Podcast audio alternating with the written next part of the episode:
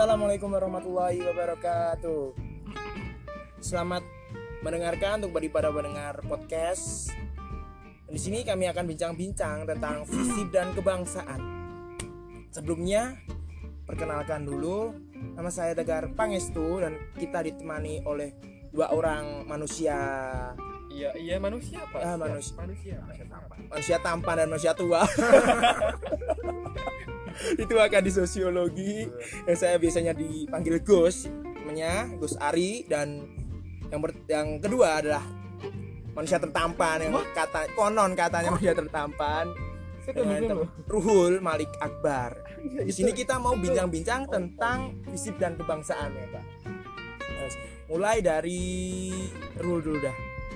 Menurut menurut menurut menurut lu apa ya visi kebangsaan itu apa kalau menurutku nih ya, kalau dari yang aku baca-baca di Google dan dari buku, kebangsaan itu adalah sebuah nilai, semangat, pandangan yang mana sebenarnya kita mencintai bangsa kita, bangsa Indonesia.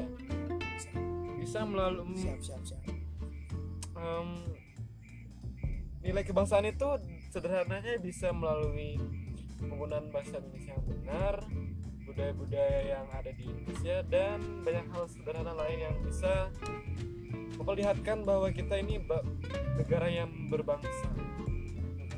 Oke siap, berbangsa. udah ya Ah, Iya, mungkin seperti itu lah. Nah, terus kalau menurut yang dituakan nih biasanya yang paling dewasa menurut Gus, mana Gus? Gus Hari gimana gimana Gus kebangsaan itu gimana sih Gak gitu juga Cok. Wow. Emang Emang beda emang kalau yang dituakan gitu ya. Emang dewasa gitu. di dalam kebangsaan Wih. Mantap, mantap. mantap. ya ya ya ya ya ya, ya. Lanjut Pak, lanjut. Siap, siap. kita membahas yang namanya eksistensi budaya siap jadi ketika kita membicarakan yang namanya bangsa kita harus memperlihatkan rasa cinta tanah air yang ada dalam diri kita ke dalam kehidupan sehari-hari. Oh, gitu ya Pak? siap, siap. Boleh lah, boleh. Lalu And then, kita harus memperlihatkan kondisi yang terjadi sekarang ini wih, di mana kita bisa melihat bahwa rasa cinta tanah air sudah sangat menurun di kalangan generasi muda. wow. Ya, Menurut anda itu menurun ya? terus udah udah Gus Udah, udah, udah. Oh iya, Oh, siap, iya, siap. iya, iya.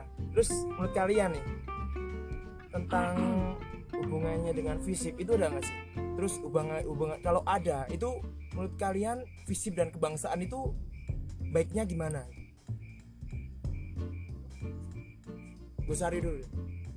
Menurut saya, jika kita mengkaitkan antara kebangsaan dengan yang namanya fisik, kita harus membreakdown dulu breakdown dulu nilai-nilai apa yang ada dalam kebangsaan itu sendiri dan kita bisa terapkan dalam fisik.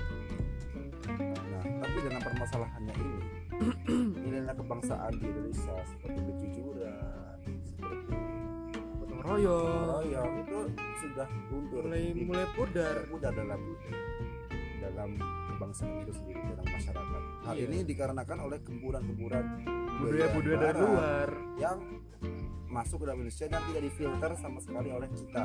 Hmm. Budaya-budaya barat yang di masuk ke Indonesia sebenarnya ada positif dan negatif. Ya. Tapi entah kenapa mahasiswa bukan mahasiswa saja banyak orang Banyak Semua orang. elemen. semua elemen masyarakat hanya mengambil yang negatif-negatif saja. Seperti contoh orang barat menyediakan yang namanya budaya antri, budaya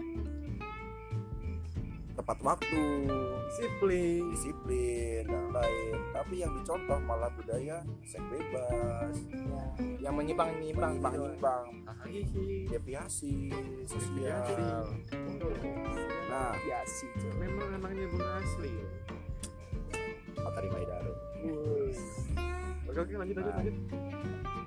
Sehingga nilai-nilai yang disiplin yang dari luar tidak diterapkan di Indonesia ini bisa kita lihat di dalam kehidupan kita berkampus namun tidak hanya ada di FISIP saja itu ada di seluruh kampus pun bahkan di Indonesia budaya di sini itu tidak ada di dalam uh, kita di kampus. Saya contohkan budaya telat. Iya. budaya telat kan sangat banyak sekali di dalam uh, kampus-kampus kita. Dan budaya sopan santun pun kurang. Kita ada mahasiswa telat dengan dia langsung selonong Ya, ya, ya, ya. seharusnya kan kalau dia telat dia harus istilahnya bertutur sapa dulu dengan dosennya setidaknya dia berkata punten semua dulu Punten Surur. Punten seluruh itu, Itu adalah sebuah keharusan ya. Iya. Oke, siap. Terus nih, kan dari tadi kan bahas ya tentang kebangsaan dengan apalagi visip itu itu kan kayak tadi kan kayak relate. Kebanyakan dari masyarakat kita kan malah mengambil yang negatifnya aja. Nah, terus menurut kalian solusi apa sih yang tepat buat kita sendiri? Nggak nggak khusus nggak bukan visip doang. Itu buat buat apa? Kita bisa mengambil positifnya itu gimana? Menurut kalian berdua dah. Kalau menurut pribadi sih mungkin kita harus mensosialisasikan em, agar bisa memfilter budaya-budaya dari luar. Yang mana kita itu harus mengambil sisi positif dan tidak dan tidak menggunakan sisi negatif.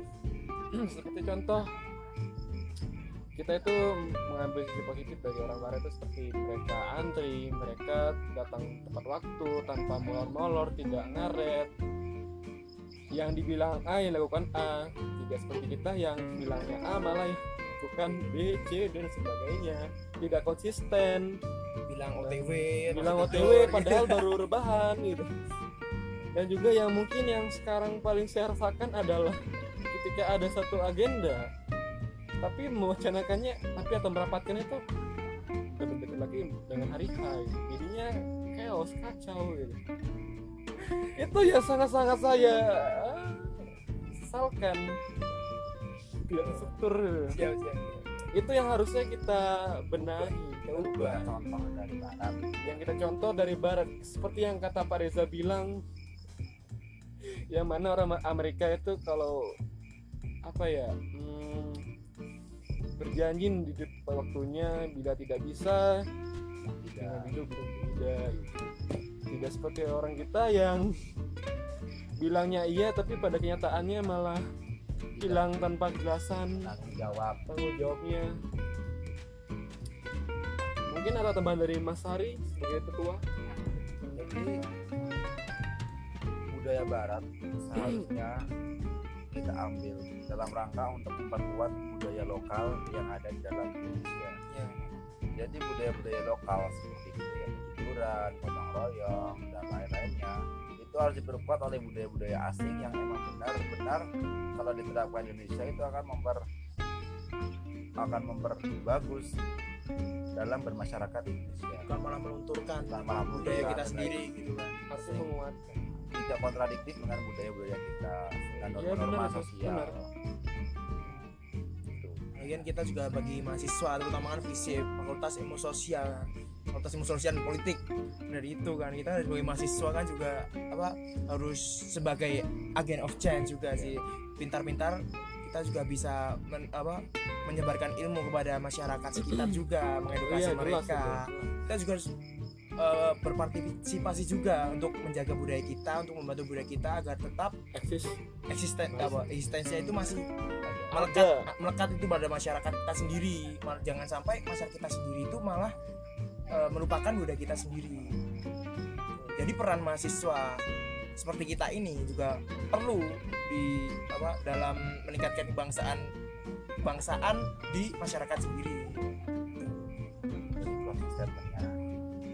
Kita sebagai mahasiswa ya, harus mengedukasi masyarakat bahwa boleh menerima konten-konten dari barat, dari Budaya-budaya Jepang, dari Korea. Korea. Kita bisa menerima wibu, K-popper, asalkan kita sebagai mahasiswa bisa mengedukasi kepada masyarakat bahwa yang diambil dari budaya-budaya tersebut bukan budaya-budaya yang bertentangan dengan budaya. nilai dan norma sosial yang ada di Indonesia tapi harus mengambil nilai yang dan norma yang memperkuat budaya kebangsaan dari kita sendiri Udahlah itu aja dari kami ya. Ma- maaf kalau ada sal- sa- salah kata. Kami mohon maaf yang sebenarnya. Wassalamualaikum warahmatullahi wabarakatuh. Ya, mungkin cukup sampai di sini aja sih podcast dari kita, bincang-bincang kita apa dalam dalam apa namanya tema kebangsa apa visip dan kebangsaan. Iya.